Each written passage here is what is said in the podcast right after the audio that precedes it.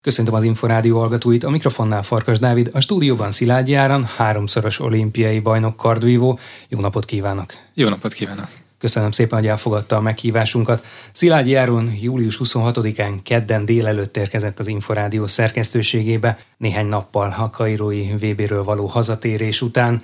Kairóban egyéniben arany, csapatban ezüstére van a mérleg, és ugye a napokban úgy nyilatkozott, hogy ez pályafutása egyik csúcsa. Mire gondolt egészen pontosan? Ez a legjobb eredmény, vagy egyéb szempontból ez a csúcs? Az egyéni aranyérmem az, ami azt mondatja velem, hogy ez pályafutásom egyik csúcsa, hanem a csúcsa. Azt tudni kell, hogy egy, egy világbajnokság szakmailag a mi sportágunkban nagyon sokat értett, annál többet nem igazán ér semmi. Egy olimpia egy picit másról szól, tehát ez egy multisport rendezvény, ami persze sokkal grandiózusabb, sokkal többen követik, és, és mindenki azért azt szeretné megnyerni. Tehát, hogyha valakit megkérdeznének, hogy világbajnok vagy olimpiai bajnok szerint, szeretne lenni, szerintem azt mondanám 99%-ban minden vívó, hogy olimpiai bajnok szeretne lenni. De szakmailag megnyerni egy világbajnokságot, ahol elindulnak közel 150-en, az összes jelentős válogatott képviselteti magát, tehát az olimpián mondjuk 39 fős a mezőny, ez sokkal szélesebb. Ezt a versenyt megnyerni, ez szakmailag egy nagyon-nagyon nagy kihívás. Nem volt azért a felkészülésben minden teljesen sima, bár ugye hónapokkal ezelőtt is már beszéltünk arról mi is, hogy fontos cél lenne a világbajnoki siker. Ön gyakorlatilag kimondva így vágott neki ennek a szezonnak az olimpia utáni hosszabb feltöltődés, pihenés után. De azért Kairóban megérkezni sosem egyszerű. Bockó Gábor szövetségi kapitány mondta, hogy gyakorlatilag a csapat szinte minden tagjának volt valamiféle problémája a gyomrával, az ottani körülményekkel. Ráadásul az egyéni Európa-bajnoki szereplés is talán egy plusz terhet adott önnek. Hogyan élte meg ezeket a körülményeket, ezeket a nehézségeket a döntő nap előtt? Az Európa-bajnokság után, ami ugye egy hónappal, kevesebb, mint egy hónappal volt a, a világbajnokságot megelőzően Antáliában. Mm, én ott elmondtam, hogy az a szereplés, az a csalódást keltő szereplés, amit egyéniben tudtam nyújtani, az azt én nem viszem tovább egy napig sem, és abszolút a világbajnokságra koncentrálok. Nem tartom egyébként szerencsésnek azt, hogy a Nemzetközi Szövetség két, a két legfontosabb versenyét tulajdonképpen egy hónapon belül rendezi, teljesen értelmetlennek látom, és van törekvés arra, hogy főleg sport, mi sportolók részéről, hogy ez megváltozzon. Szerintem sokkal logikusabb lenne ezt mondjuk az év két távoli időpontjában, egymástól távoli időpontjában rendezni. Ezért olyan különösen nem is készültünk az Európa-bajnokságra, fejben már teljesen a, teljesen a VB-n járt az agyunk.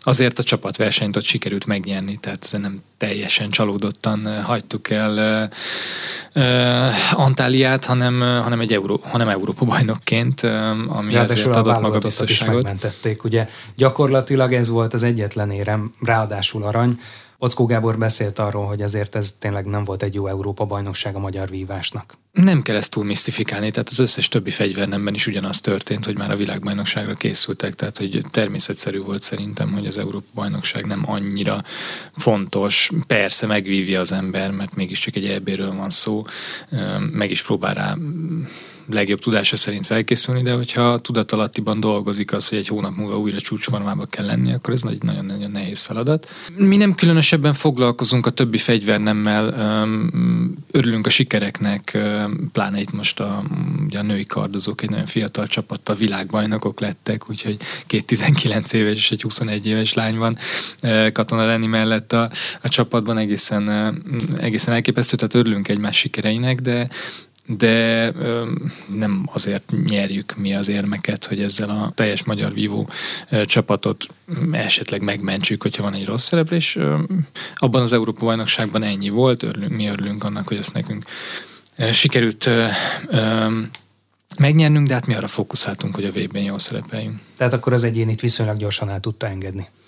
Abszolút, tehát hogy tényleg nem voltak emiatt egyáltalán álmatlan éjszakáim. Tudtam azt, hogy, hogy ha meg is nyertem volna az Európa-bajnokságot az évet, akkor is a világbajnoki szereplés határozza meg.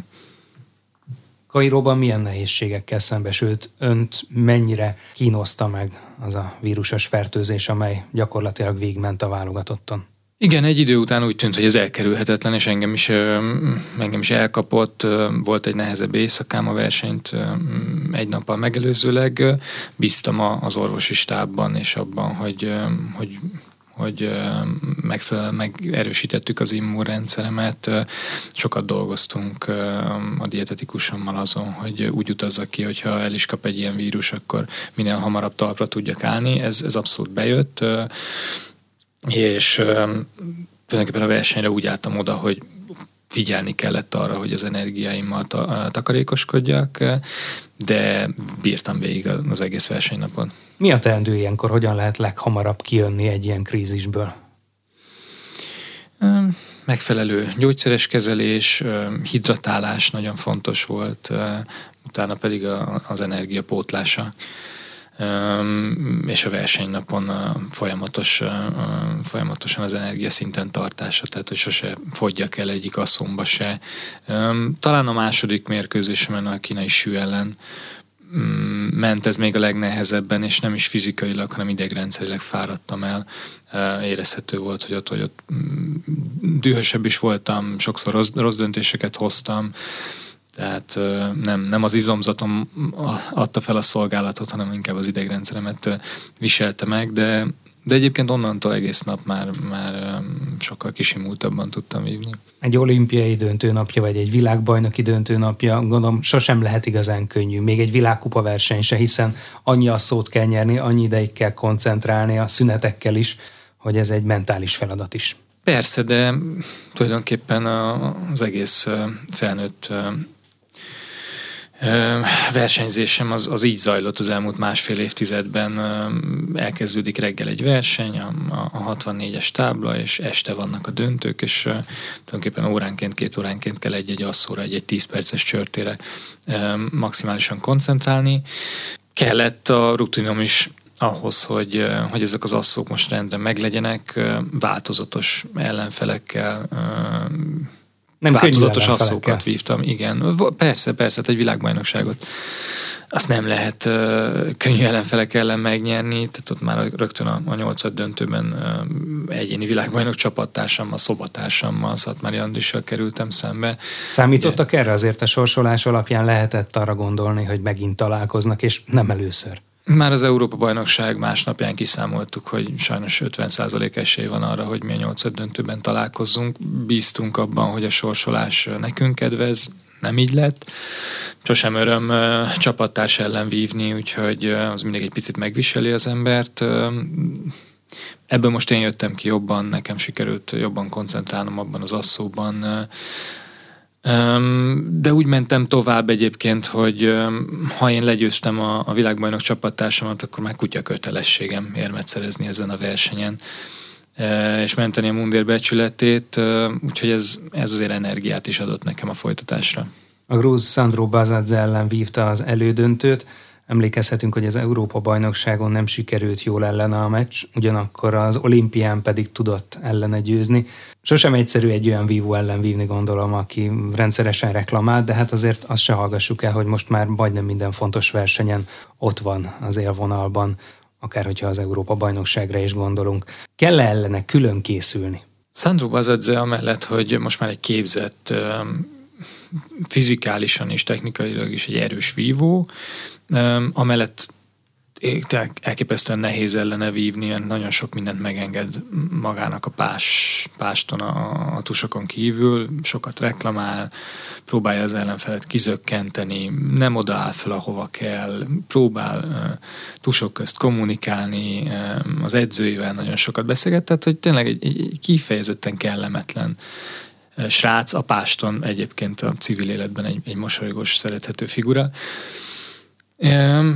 Szerencsére már sokszor vívtunk, és tudtam, hogy, hogy mire számítsak, és, és örülök annak, hogy nem a verseny korai szakaszában találkoztunk, úgy, mint az EB-n. Azt, az azért az első masszon volt a táblán, ott egy csoportkör után, ami eleve szokatlan, ugye egy csoportkör kell vívnom. De ennyit az Európa-bajnokságról. A VB-n ugye ez már az ötödik asszon volt, megfelelően voltam melegedve mentálisan is, tehát hogy ott már ott már engem szerintem egy, egy elődöntő döntőben nehezebb kizökkenteni, mint a, mint a verseny korábbi szakaszaiban. Biztos volt az érem, azt is tegyük hozzá abban a pillanatban már. Hát biztos volt az érem, de én ott már nagyon az aranyban gondolkoztam, tehát az, az már meg se fordult a fejemben, hogy én bronz vagy ezüstéremmel térjek haza, ott már csak az motoszkált bennem, hogy ezt aranyra kell váltani, az elődöntőt és a döntőt. Azt is tudtam, hogy a, az elődöntő lesz a nehezebb asszom az erősebb ellenfelemmel, úgyhogy... Bár végül nem így alakult. Bár végül, nem, bár végül nagyon nem így alakult, és um, um, minden esetre, minden esetre a Sandro Bazadze elleni a szót az sikerült végig kontroll alatt tartanom, és nem, nem engednem el egyetlen egy találatot sem indisponáltság miatt. Ennek nagyon örültem. És, és valóban egy elképesztően nehéz helyzetbe kerültem a, a döntőben, mert egyrészt azért tudat alatt bennem volt az, hogy, hogy a mi elődöntőnk győztese lesz minden bizonyal a világbajnok. Szembe jött egy, egy 22 éves srác a világon most a 86. helyéről, akinek még sosem sikerült érmet szerezni a világkupán, akit nem is igazán ismer a mezőny. Egy 23-as EB-t nyert, meg lehet róla tudni, hogy egy, egy, egy tehetséges fiatal srác, de, de én ott egyszerűen nem hittem el azt tudat alatt, hogy, hogy ebből lehet egy szoros, kemény csörtek. Bár a, előtte lejött a korunkba az edzőm, de Tecsi Andris és és rögtön ő is azt mondta, hogy úgy kell vívni ellene, mint hogyha Oxanguk állna velem szemben a legjobb formájában, és nekem is extrát kell nyújtanom, és, és, és erre próbáljak meg odafigyelni, de, de, de, de egyszerűen nem ment, tehát nem, nem tudtam magamat átverni. um, és, és sajnos sok tust elengedtem, sok találat azon múlt, hogy, hogy, hogy, hogy dekoncentrált voltam, és már nem tudtam százszázalékosan oda tenni magam, lehet, hogy ebben a fáradtság is benne volt, sok minden benne lehetett, tényleg egy nagyon kemény elődöntő után voltam. Annak örülök, hogy ott a, a nyolcas pihenő előtt valamivel sikerült egy kicsit, kicsit rendbeszednem a gondolataimat, és azért onnantól kezdve tudtam dominálni az aszót, és egy pár tussal mindig vezettem, de elég volt egy, egy pici figyelemzavar, és 14-14-nél utolért az ellenfelem és hát amikor egy tuson múlik a világbajnoki aranyérem, azért ember legyen a talpán, akinek nem remeg meg a lába. Én is éreztem, éreztem ezt a fajta nyomást, de valamiért ott egyszer csak ihletet kaptam, és megjött a gondolat, és 14-14-nél mm, egészen biztos voltam abban, hogy, hogy mit kell csinálnom, és, és százszerzalékig tudtam azt is, hogy az ellenfelem erre hogy fog reagálni, és én hogy fogok tust adni egyszerűen nem voltak ott már kérdőjelek bennem, tudtam, hogy egy direkt, de hosszú támadást kell megindítanom, ő egyszerűen ben fog ragadni középen, és a, amit ő riposznak szán vágás, az, az végül csak egy belevágás lesz, és az én támadásomat kell, hogy megítélje a zsűri. Ez rendben le is ment a tus, de hát ilyenkor a zsűrinek 14-14-nek kötelező kimenni megnézni a videót, és csak azután születhet meg a, a végső döntés. Azért az az egy, másfél, két perc, vagy nem tudom pontosan mennyi volt, az, azt nem kívánom senkinek, az egy, az egy, az egy nehéz időszak volt. Összességében mennyire volt elégedett ezen a világbajnokságon a zsűri működésével? Egyéni világbajnokként szerintem nagyon furán vennék ki magát, hogyha én most itt a zsűrit kezdeném el kritizálni, bírálni. Voltak, van egy-két zsűri, aki, aki szerintem hibátlanul le tudja vezetni az asszókat, és aki kezébe bármilyen mérkőzés kerül, az, az megbízhatóan jól lesz levezetve. Illetve most nagyon sok olyan új arcot, új zsűrit láttunk, aki, volt, aki pozitív, volt, aki negatív benyomást keltett, ami, ami számomra érdekes volt, hogy, hogy nagyon sok női zsűri volt, és szerintem a leg, legprofibban és a leghatározottabban a női zsűrik emelkedtek most, most ki legyen amerikai, spanyol vagy francia zsűriről szó, úgyhogy Úgyhogy örülök annak, hogy azért a, a, van egy-kettő régi motoros zsűri, a bolgár Vasil Milánce, vagy az olasz Luigi Martilotti, mellettük azért most már újra vannak olyan megbízható zsűrik, akik tudja az ember, hogy nagyjából rendben lesz az asszó. Vannak egyébként olyan tusok, amelyeket visszanézés után másként ítél meg, mint ott a helyszínen, az asszó hevében? Persze, persze, azért mi, mi ott tele vagyunk adrenalinnal, és, és lelkesen minden tusról szeretjük azt hinni, hogy miattuk vissza szoktam nézni az asszókat, és néha fogom a fejem, igen, hogy mire reklamáltam, ami mondjuk egyértelműen nálam volt. Itt most, amiket visszanéztem, igazából csak az elődöntő döntőt néztem, eddig vissza nem láttam benne olyat, ami, ami ilyen nagyon kirívó lett volna. Egy, egy, egy találat, de egy 15-ös asszóban azért annyi szubjektivitás van, hogy, hogy azért egy, kettő, három, négy találatot nehéz eldönteni, hát az, az, a, az a zsűri múlik. Ugye a nézőknek nem is mindig egyértelmű, nagyon nehéz mondjuk egy víváshoz nem értő nézőnek állást foglalni egy ilyen gyors asszóban, mint mondjuk egy-egy világbajnoki döntő.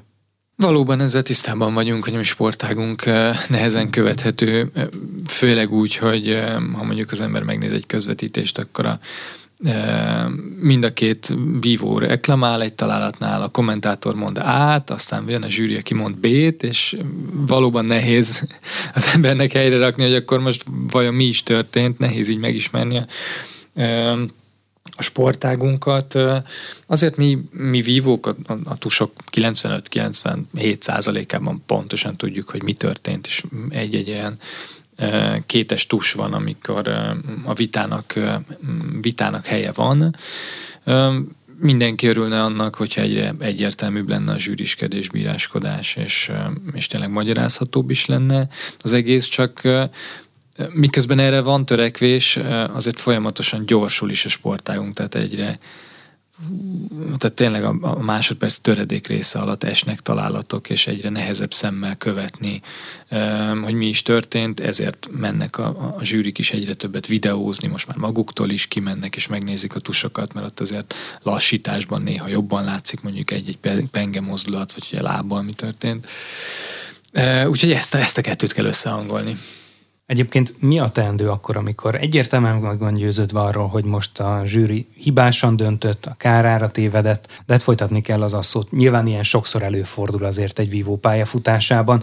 Van-e valamilyen trükkje erre mentálisan? Különösebb trükköm nincsen tehát nincs egy olyan módszer, amit akkor, akkor bevetek, és akkor ezt csinálom, és akkor újra tudok koncentrálni. Kell egy-két másodperc ahhoz, hogy hogy, hogy a dühömet, meg a csalódottságomat valahogy kezeljem, valahova, valamit csináljak vele, és általában már csak úgy állok fel a következő tusra, hogy, hogy tiszták a, gondolataim, tiszta, tiszta fejem, és nincsenek benne az előző tus okozta károk. Ezt könnyű mondani, egy picit nehezebb megcsinálni. Néha hátra sétálok, néha felhúzom a sisakomat. Kicsit időt kell nyerni, nem sokat, egy pár másodpercet kell az embernek, hogy ne vigye magával az előző rossz ítéleten. Vissza kell, hogy álljon a pózus szám? Vagy arra azért nincs idő ilyenkor? A pózus szám az nem, nem, feltétlenül, nem feltétlenül az az, ami elszalad, vagy ami megváltozik. Inkább a, ezt inkább mentális, tehát inkább, inkább érzelmi szinten van az. Tehát, hogyha ha düh van bennem, akkor, akkor nem lesznek pontosak a mozdulataim, akkor, akkor meg befeszítem az izmaimat, és akkor abból nem fogok tudni egy könnyű jó találatot adni, tehát, tehát kicsit el kell engedni, le kell ereszteni, ki kell tisztulni. Mennyire van benne a pakliban, férfi kartban, hogy jön egy olyan versenyző, aki ugyan utánpótlás szinten eredményes, de ön is mondta, hogy a világranglistán nincs a legjobbak között, mint most Pian Fetti, és gyakorlatilag egészen a döntőig meglepte, megtréfálta a mezőnyt. Ez most egy elég kirívó eset volt, nem azért, mert 22 évesen ne lehetne nyerni, én 22 évesen nyertem olimpiát, Um, hanem mert valóban nem nagyon mutatta meg a, az erejét az évközi versenyeken ez a srác. Talán egyszer volt nyolcban, de mondom, nem, nem volt világkopa érme. Holott a csapattársainak volt, tehát Bolád Alpiti több érmet is szerzett idén, a fiatal Bibi Európa bajnoki bronzérmes volt Padovába, pont én vívtam vele az elődöntőt, ott is bronzérmes volt, tehát hogy még a csapattársainál is kevésbé lehetett őt ismerni, Igazából inkább ez volt, ez volt a meglepetés, illetve az, hogy nem nagyon tudtam én hogy mire számít, csak milyen vívást fog nyújtani. Ott kérdezgettem a többieket, Gémesi Csanát csapattársam vívott vele az egyik világkupa versenyen, őt kérdezgettem, hogy amúgy ez a srác mit csinál, mert még csak ott se tartott a hogy olyan különösebben kielemezzük, vagy beszéljünk róla. De valószínűleg ez ez a, a meglepetés ereje hozta meg neki most a sikert és az ezüstérmet. Kíváncsi vagyok, hogy a következő években mennyire tudja ezt kamatoztatni és ott maradni a legjobbak között. Egy fáraó fejdészt kapott jutalmul. Megvan már a helye? Biztos, hogy ki fog kerülni otthon a, a vitrínbe. Nagyon örülök ennek a, ennek a különös díjnak, vagy dísznek, vagy nem is tudom, minek mondjam, mert szeretem, amikor a, a helyiek egy pici hozzáadott értéket is adnak a versenyhez, és egyébként az egész körítés a világbajnokságon ilyen hangulatú volt, tehát ezt az ókori egyiptomi kultúrát, milliót idézte meg, a, a, a paravánok, molinók mindegyik valamilyen fáraós díszletet mutatott, egyébként a termek is korábbi fáraókról voltak elnevezve, úgyhogy egy picit, picit érezte az ember, hogy ez most nem akárhol van ez a világbajnokság, hanem Egyiptomban, és szerintem ez meg egy nagyon jó kis geg volt így a végére. Mennyi idő maradt utána ünnepelni? Azért a csapatverseny közeledett, és gondolom, hogy az aranyérem után szétszették önt. Újdonsült szövetségi kapitányunknak, Bockó Gábornak, Bocegnek volt az a gondolata, hogy, hogy az érmeseket az egész csapat a szállodában megérkezéskor köszöntse, és ez engem teljesen váratlanul ért, én voltam az első érmes, és erről egyáltalán nem tudtam. Úgyhogy amikor megérkeztem a, a hosszadalmas dopingvizsgálat után a szállodába, már viszonylag késő este, nem is tudom, 10 óra fél egy környékén, ott volt, ott volt az egész válogatott csapat, válogatott melegítőben, versenyzők, edzők, stábtagok, felkészítők, vezetők, és, és, és megtapsoltak, és mindenki gratulált, és fú, nagyon elképesztően jó érzés volt, hogy hogy így várt a csapat, és uh, igazából ott tudatosult bennem, hogy ja, ezt a világbajnokságot tényleg én nyertem. Az egyéni viadalról részletesen is beszélgettünk már. Nem volt ugye sok idő átállni aztán a csapatversenyre, már két nappal később el kellett kezdeni, hiszen a csapatverseny két napos a világbajnokságokon. Ezüstérmet sikerült szerezniük, de beszéljünk még először arról, hogy Szatmári Andrással, akivel az egyéni versenyben összetalálkoztak, mennyire beszélték meg a történteket. Nyilván neki azért más érzései lehettek az egyéni nap után, mint önnek. Ismerjük már egymást gyerekkorunk óta, úgyhogy nem kellett hosszabban kielemezni a történteket. Egy-két, egy-két szóban beszéltünk persze az asszonkról is, meg ugye, meg ugye versenyről is, illetve hát próbáltunk készülni a csapatra, inkább arról esett több szó, hogy milyen ellenfelek jöhetnek, mire kell odafigyelni. Azért ott főleg az első nap újra viszonylag, viszonylag ismeretlen ellenfelek a vietnámi csapattal, meg utána a spanyolokkal kellett megküzdenünk a nyolcba jutásért. Egy, egy picit picit rendbe szedtük a csapatot, tehát nem csak, nem csak Szatyival, hanem Csanáddal és Tomival is leültünk, beszélgettünk a jövésről, és megpróbáltunk összeállni egy egységes csapattá. Most egyébként mennyire volt nagy feladat egy ilyen siker után a csapatversenyre készülni abban a 36-42 órában, amennyit gyakorlatilag el tudott tölteni? A nehézség ilyenkor az egy végigvívott nap után, hogy az embernek a mozgása szétesik. Tehát én is éreztem izomfájdalmakat, fáradtságokat, és bármennyire is ott volt Bodnár József a válogatott masszőre, fizioterapeutája, mindent bevetett, és, és próbált próbált engem helyre rakni, meg próbáltam magamat is helyre rakni. Azért az első nap a csapatversenyen az, az nem a jó vívásról szólt, hanem leginkább a túlélésről. Azt kértem Andristól, Decsi Andristól, hogy ne cseréljen le, hanem hadd vívjam végig befejező emberként a helyemen a, a csapatversenyt, mert hozzá akartam szoktatni azért magamat, hogy most a csapatverseny jön, nekem ez a pozíció, ez a feladatom, azt kell megoldanom, nekem az utolsó talatot adnom.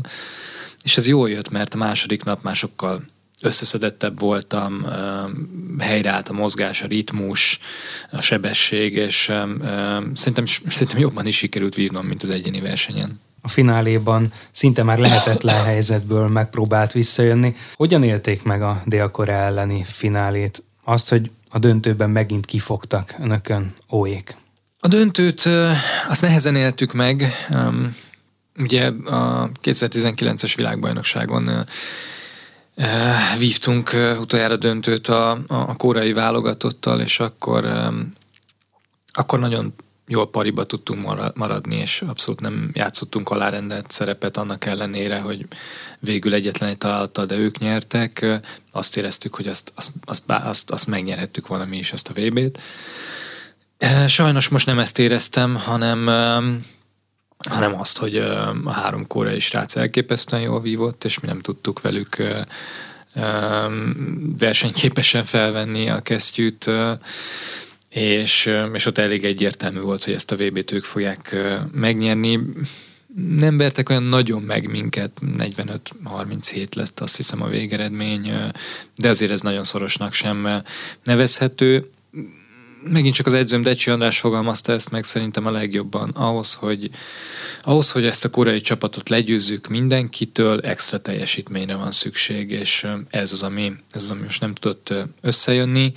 Egy olyan csapat ellen, ahol a tartalék is egy egyéni világbajnok, tehát azért ezek a koreai srácok nagyon, de nagyon tudnak vívni. Csapaton belül az egyéni szereplést mennyire elemzik ki utólag? Ön is mondta, hogy sikerült nagyon jól összeszednie magát, az utolsó napra, és ugye nagyon jól is vívott az elődöntőben és a fináléban is. A csapattársak közül volt, aki korábbi versenyeken, akár az EB-n alkotott maradandót. Mennyire szokták ezt utólag megbeszélni? Persze beszélünk róla, hiszen az visz előre. Azért mindenki a saját vívásán tud változtatni, és és arra tud koncentrálni, tehát én is saját magamban keresem a hibát, és azt, hogy mit tudtam volna én még többet hozzátenni ehhez a, a, a, a csapat döntőhöz. Volt ilyen, vagy lett volna ilyen? Hogyne, persze, persze. Azért nekem ott ott főleg középen, a középső asszomba lett volna lehetőségem több tust is adni, és ugye nem is tudom, 7-2-re vezettem, azt hiszem Gu ellen, és ott lehet, hogyha azt a, azt a flow-t, azt a lendületet sikerül tovább vinnem, akkor akár meg is fordíthattam volna ott a, a mérkőzés állását, és abból, abból meg mi nyerünk lendületet, nekünk lesz magabiztosságunk, és alakulhatott volna ez másképp, de de ez most nem így alakult, úgyhogy ott valószínűleg nekem a középső asszóimmal foglalkoznom kell egy picit többet. Az utolsó mérkőzésen, tehát a Ohellen már nem volt reális esélyfordítása, tehát 40-30-ról egy egyéni világbajnokot, ezt a srácot nem lehet megverni, de, de azért ezekből az asszokból is tanultam. És volt olyan pillanat, amikor már-már azt hihette a néző, hogy mégiscsak megközelítheti. Ugye az utolsó tusokat adta a az előző világbajnokság győztese, egyéni és csapatgyőztese, de azért nagyon nehezen vette fel a ritmust ön ellen. Hm. Ez egy, ez egy kis egyéni csatánk volt egyébként a csapatverseny napján. Mind a ketten úgy álltunk fel az utolsó asszóra, hogy az összes korábbi öttusos mérkőzésünket megnyertük, Oh is és én is. Én azt szerettem volna mm, titkon, nem is olyan titkon, hogy én legyek az, aki, aki aznap megnyeri az összes mérkőzését, még hogyha ez nem is jelent aranyérmet majd a végén, mert, mert azért egy tisztusos hátrányból Oh ellen szinte lehetetlen fordítani, de úgy álltam fel, hogy ezt az öttust azt én akarom előbb beadni, és végül ez a 7 ös végeredménnyel sikerült is, de hát ez mit sem ér a csapat szempontjából, tehát ők lettek az aranyérmesek. Mikor tudtak örülni ennek az ezüstnek? Először. Hát az asszó utáni negyed órában, fél órában nem. Elég, elég bosszusak voltunk, hogy ez így alakult.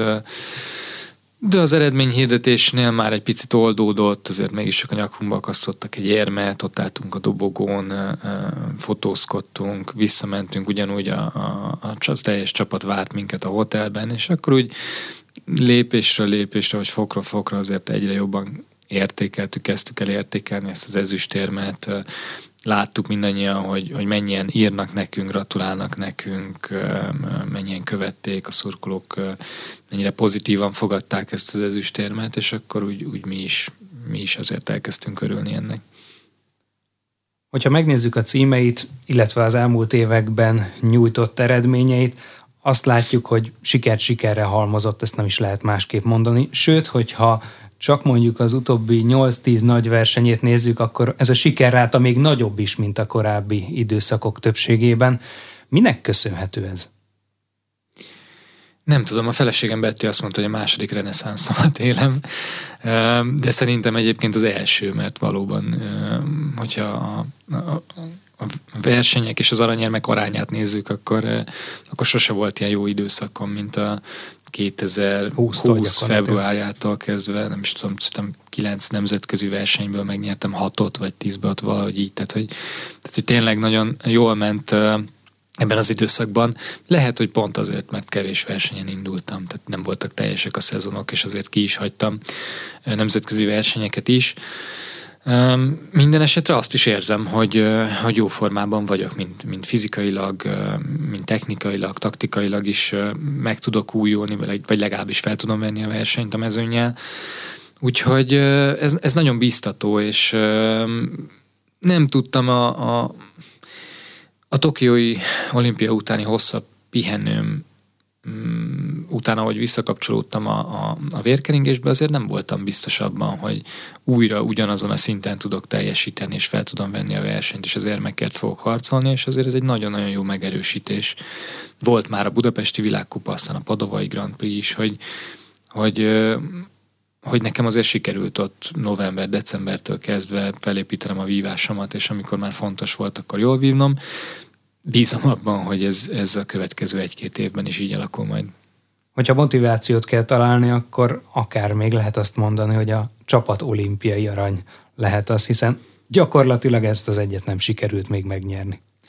Igen, ez Gémesi családcsapattársam tudatosította bennem már a, az egyéni világbajnoki cím megszerzésének estéjén, amikor nyugodtan vacsoráztam, leült mellém, megszorongatta a vállamat, ez mélyen a szemembe nézett, és azt mondta, hogy Áron, ugye tudod, hogy nem ez az utolsó cím, ami neked hiányzik a palettáról?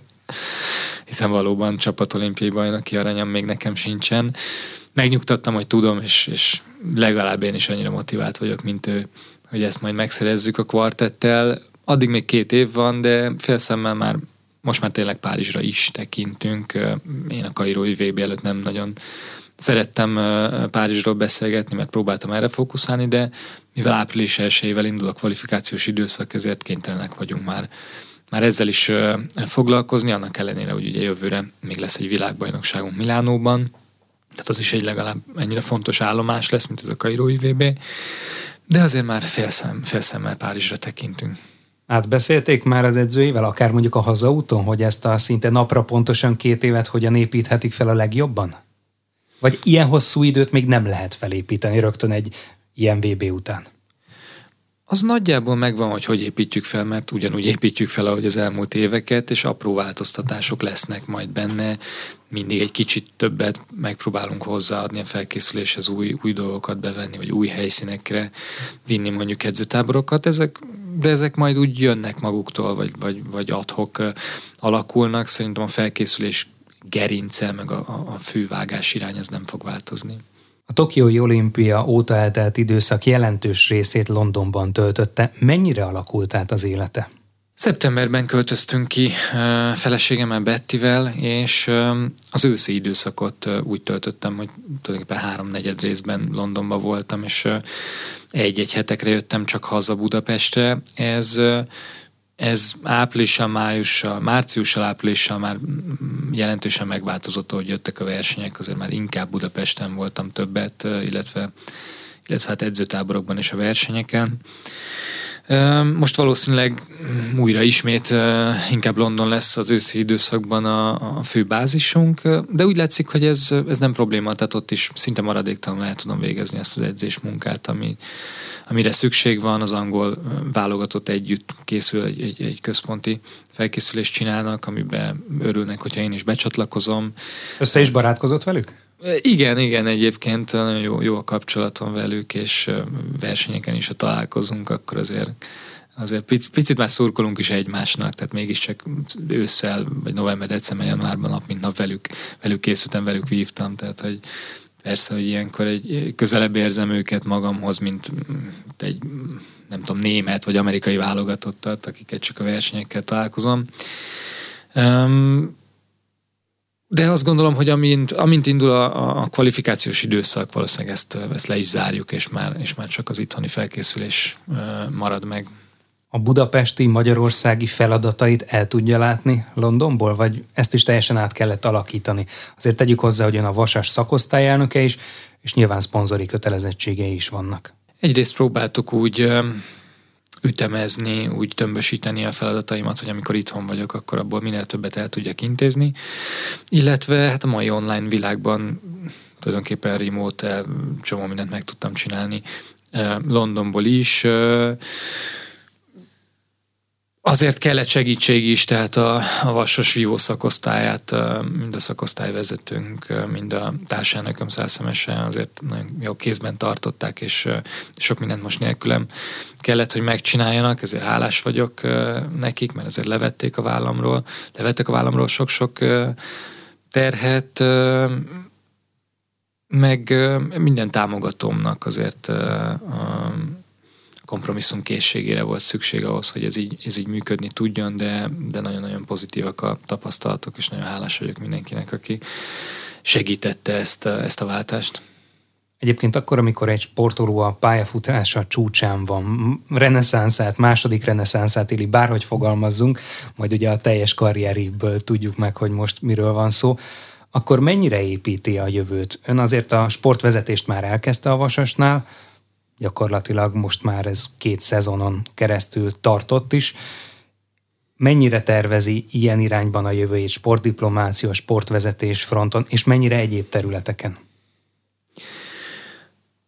Az a helyzet, hogy az aktív sport mellett igazából csak belekóstolni lehet egy-egy területbe, igazán elmerülni benne, mélységében megismerni nem szimpatizálok és vonz a, a sportvezetés, mert ebben a közegben mozgok gyerekkorom óta, elég jól ismerem és szeretem is, de nem, nem vagyok száz százalékig meggyőződve arról, hogy nekem a, az élsport után ez lesz a jövő. Még nem döntöttem el. Szerencsére, szerencsére szerintem lesznek lehetőségem, és bocsánat, azért is képeztem magam, tanultam, amíg tudtam, mert lehetőségeket akartam magamnak hagyni majd az aktív pályafutás után, hogy, hogy, hogy választhassak, hogy mivel szeretnék foglalkozni. De még ennek nem jött el az ideje, tehát még, még egy picit azért is tartom távol ezeket a gondolatokat magamtól, mert még nem, én még nem szeretném abba hagyni, és nem csak a Párizsi olimpiai ciklusban gondolkozom, hanem, hanem én igazából addig szeretném folytatni a vívást, amíg, amíg jönnek az eredmények, amíg jól érzem magam, amíg energiám van ez az egészhez, és, és nem nem szeretném magamtól elvenni ezt a lehetőséget, hogy akár ez mondjuk 6-8 éven keresztül még így legyen. Beszéljünk majd erről is, de még ide kapcsolódik, hogy ugye azért a sport mellett a sportvezetés és a jótékonyság hangsúlyosan megjelent az elmúlt éveiben is, de például vannak olyan területek, amelyektől eléggé távol tartotta magát közéleti kérdésektől, politikai kérdésektől. Változhat-e ez a jövőben? Van-e valamiféle koncepciója erre? Um, arra jó volt ez, ez az időszak, hogy azt kitaláljam, hogy mit nem szeretnék csinálni, és a politika és a bulvár a két olyan terület, ami felé bizonyosan nem fogok elmenni. Vannak nálam sokkal jobb politikai érzékkel megáldott emberek, úgyhogy én szerintem abban nekem tehetségem se lenne, illetve, illetve a bulvár az, amit, amit egyszerűen nem, amilyen vonalon nem szeretnék mozogni, tehát az, hogy az embernek minden, minden magánéleti pillanata ki legyen terítve, azt, az, az, az nem nekem van kitalálva. Bár ugye nullára nehéz csökkenteni, mert attól még a bulvár média ír önről, vagy éppen valamennyit, amennyit el tud érni, megjelenít önről videó és képi tartalomban. Akkor inkább csak úgy mondom, hogy ezt nem szeretném generálni magamról, tehát nem, szándékosan nem vállalok olyan felkéréseket, ami ezt erősíti. Persze hát a rólam készült dokumentumfilmben is látható, az otthonunk is, Betty is, az esküvőm is, tehát hogy persze sok mindent megmutatok magamból, de de nem szeretném, hogy engem úgy kategorizáljanak be egy idő után, hogy egy, ő is egy magyar celeb. Az edzőjével, Decsi Andrással változott-e az elmúlt időszakban a kapcsolatuk, viszonyuk, együttműködésük? Egyáltalán mennyire vesz részt a mindennapjaiban, így, hogy akár nem is egy városban vannak? Amikor itthon vagyok, akkor persze sokkal intenzívebb, és, és akkor napi szinten Andrissal készülök, és, és végezzük az edzéseket. Londonból is elég sokat konzultálunk, és ezért folyamatosan mm, tájékoztatom, hogy mit, mit csinálok, beszélgetünk arról, hogy, hogy hogyan építsen fel a, a felkészülésemet bizonyos versenyek előtt, de azért Andrissal, ami, amióta elkezdtünk dolgozni, ezt abban megegyeztünk, hogy ez egy, nem egy aláfölé rendelt klasszikus mester-tanítvány viszony, hanem egy partneri, és ebbe bőven belefér az, hogy én hetekre a saját magam által jónak kitett felkészülést folytatom. A harmóniát végig fent tudták tartani? Abszolút, sőt, szerintem ennek jót is tesz az, hogy nem folyamatosan összezárva készülünk, és nem megyünk egymás agyára, mert vannak olyan hetek, amikor nem is látjuk egymást. Amikor pedig a fontosabb versenyek előtt van egy edzőtábor, vagy egy intenzíve felkészülési időszak, akkor meg akkor azt várjuk is, és akkor az sokkal könnyebben, frissebben tud, tud menni, úgyhogy ebből a szempontból nagyon pozitívak a tapasztalatok mennyire látja, hogyha nem is az új szilágyi áronokat, de azokat a tehetségeket, akár a vasas fiatal kardozói közül, akik Los Angeles-től vagy Brisbane-től ott lehetnek a válogatottban, akár ön mellett, akár pedig egy új csapatban. Mindig nehéz helyzet az, amikor van egy már viszonylag idősebb csapat, akiket nehéz megközelíteni, vagy nehéz átvenni a helyüket, és egy picit mindenki azt várja, hogy már egy, egy-két, egy-két tag hagyja abba a vívást. Ez általában azt szokta hozni, hogy valóban abba adják, és akkor van egy kényszerű fiatalitás, ami hát vagy gördülékeny, vagy kevésbé nehézkes, ezt még nem tudjuk. Valószínűleg nálunk Párizs után jön majd el.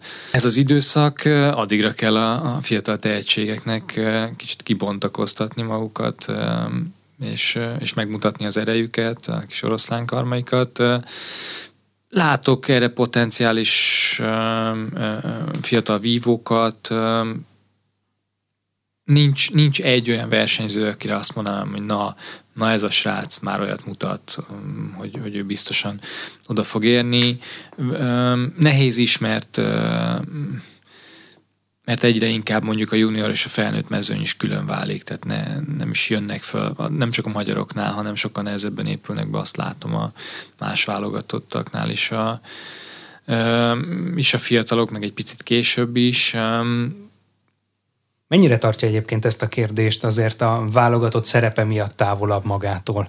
Azért ugye mindig azt mondta, hogy a vezetőedzőnek kell dönteni, a különféle vívóműhelyekben nyilván megvannak azok a mesterek, akik ezeket a fiatalokat tanítják, felkészítik, iskoláznak velük, de azért sokakban felmerül a kérdés, hogy bizony nem nagyon lehetett odaférni a férfi kartválogatottba fiatalként az elmúlt időszakban. Ez valóban így van, és nem feladatom nekem erről gondolkodni, de természetesen hát ebben a közegben mozgok, meg valamennyire érintett is vagyok, hiszen lehet, hogy Párizs után majd az én csapattársaim lesznek ezek a fiatalok, de valóban nem nagyon szeretnék én ebbe közvetlenül belefolyni, beleszólni, tehát, tehát sose fogok olyat mondani, mondjuk a szövetségkapitánynak vagy Andisnak a keretedző is, hogy, hogy ezt a fiatalt most, most preferáljuk, meg rakjuk be a csapatba, mert, mert ez az ő, ő, ő szerepköre, és szerintem nem is, nem is jó az, hogyha ebbe különösebben a, a versenyzők beleszólnak. Vasasban a vívó szakosztályánakeként meg próbálom segíteni, vagy támogatni, vagy a megfelelő támogatást megszerezni azoknak a fiataloknak, akikben látom a tehetséget. Egy olyan helyzetben, amikor siker sikerre halmoz, gondolom, hogy elsősorban ezekről, ezeknek a sikereknek a hátteréről kérdezik, de esetleg megkeresték-e olyanok, akik abban kértek tanácsot, hogy hogy lehet kijönni mondjuk egy nehezebb időszakból. Láthatjuk, hogy akár a magyar olimpikonok, akár a magyar vívók között is vannak olyanok, akik mondjuk az elmúlt években nagy sikereket is megéltek, de az elmúlt hónapokban már nem feltétlenül jött ez. Konkrét példát is tudnék mondani, de nem szeretném egy-egy versenyzőre ezt kihegyezni. Volt, aki visszavonult, volt, aki mondjuk az aktuális világranglistán jóval hátrébb van, mint egy évvel ezelőtt az olimpia környékén. Kérnek-e öntől tanácsot, és van-e valamilyen javaslata nekik? Ugye önnek bevált az, hogy hosszú pihenőt tartott az olimpia után, ezt nem mindenki tette meg. Mi lehet a teendő ilyen helyzetben? Nem nagyon szoktak ilyen direkt uh, tanácsadással megkeresni, tehát uh, nem én vagyok az a matuzsállam, aki megmondja a, tutit, vagy akinek mindenre van válasza, én is csak a, a saját elgondolásom, meg a saját megérzéseim szerint cselekszem, és az, hogy nekem, nekem mondjuk egy jót tett egy négy hónapos pihenő, most a, hogyha vívást nézzük az olimpia után, az, az egy nagyon egyedi, egyéni dolog, tehát ezt nem ajánlottam volna mondjuk egy fiatal versenyzőnek, vagy aki, aki nem érzi ennek szükségét, hanem akiben benne van a lelkesedés és csinálja tovább. Tehát nagyon nehéz általánosítani. Az pedig szerintem természetes, hogy, hogy egy-egy nagyobb siker után, vagy több nagyobb siker után jön egy, jön egy, egy kis hullámvölgy, egy kis lefelé ívelő időszak, egy-két kudarc, szerintem az a fontos, hogy abban a kudarcos időszakban az ember erre hogyan reagál, és, és hogyan tud erőt meríteni a korábbi sikerekből, motiválni magát, mag, újra magabiztosságot szerezni, nem elengedni a felkészülést, hanem még inkább a vívókról van szó, beleülni a vívóállásba.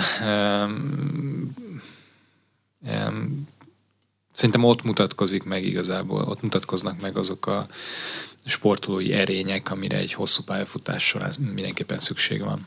Ami a mostani heteket, hónapokat illeti, hogyan néz ki a terve? Rövidebb pihenő, azt ugye hallhattuk, mikor tér vissza az edzésekhez?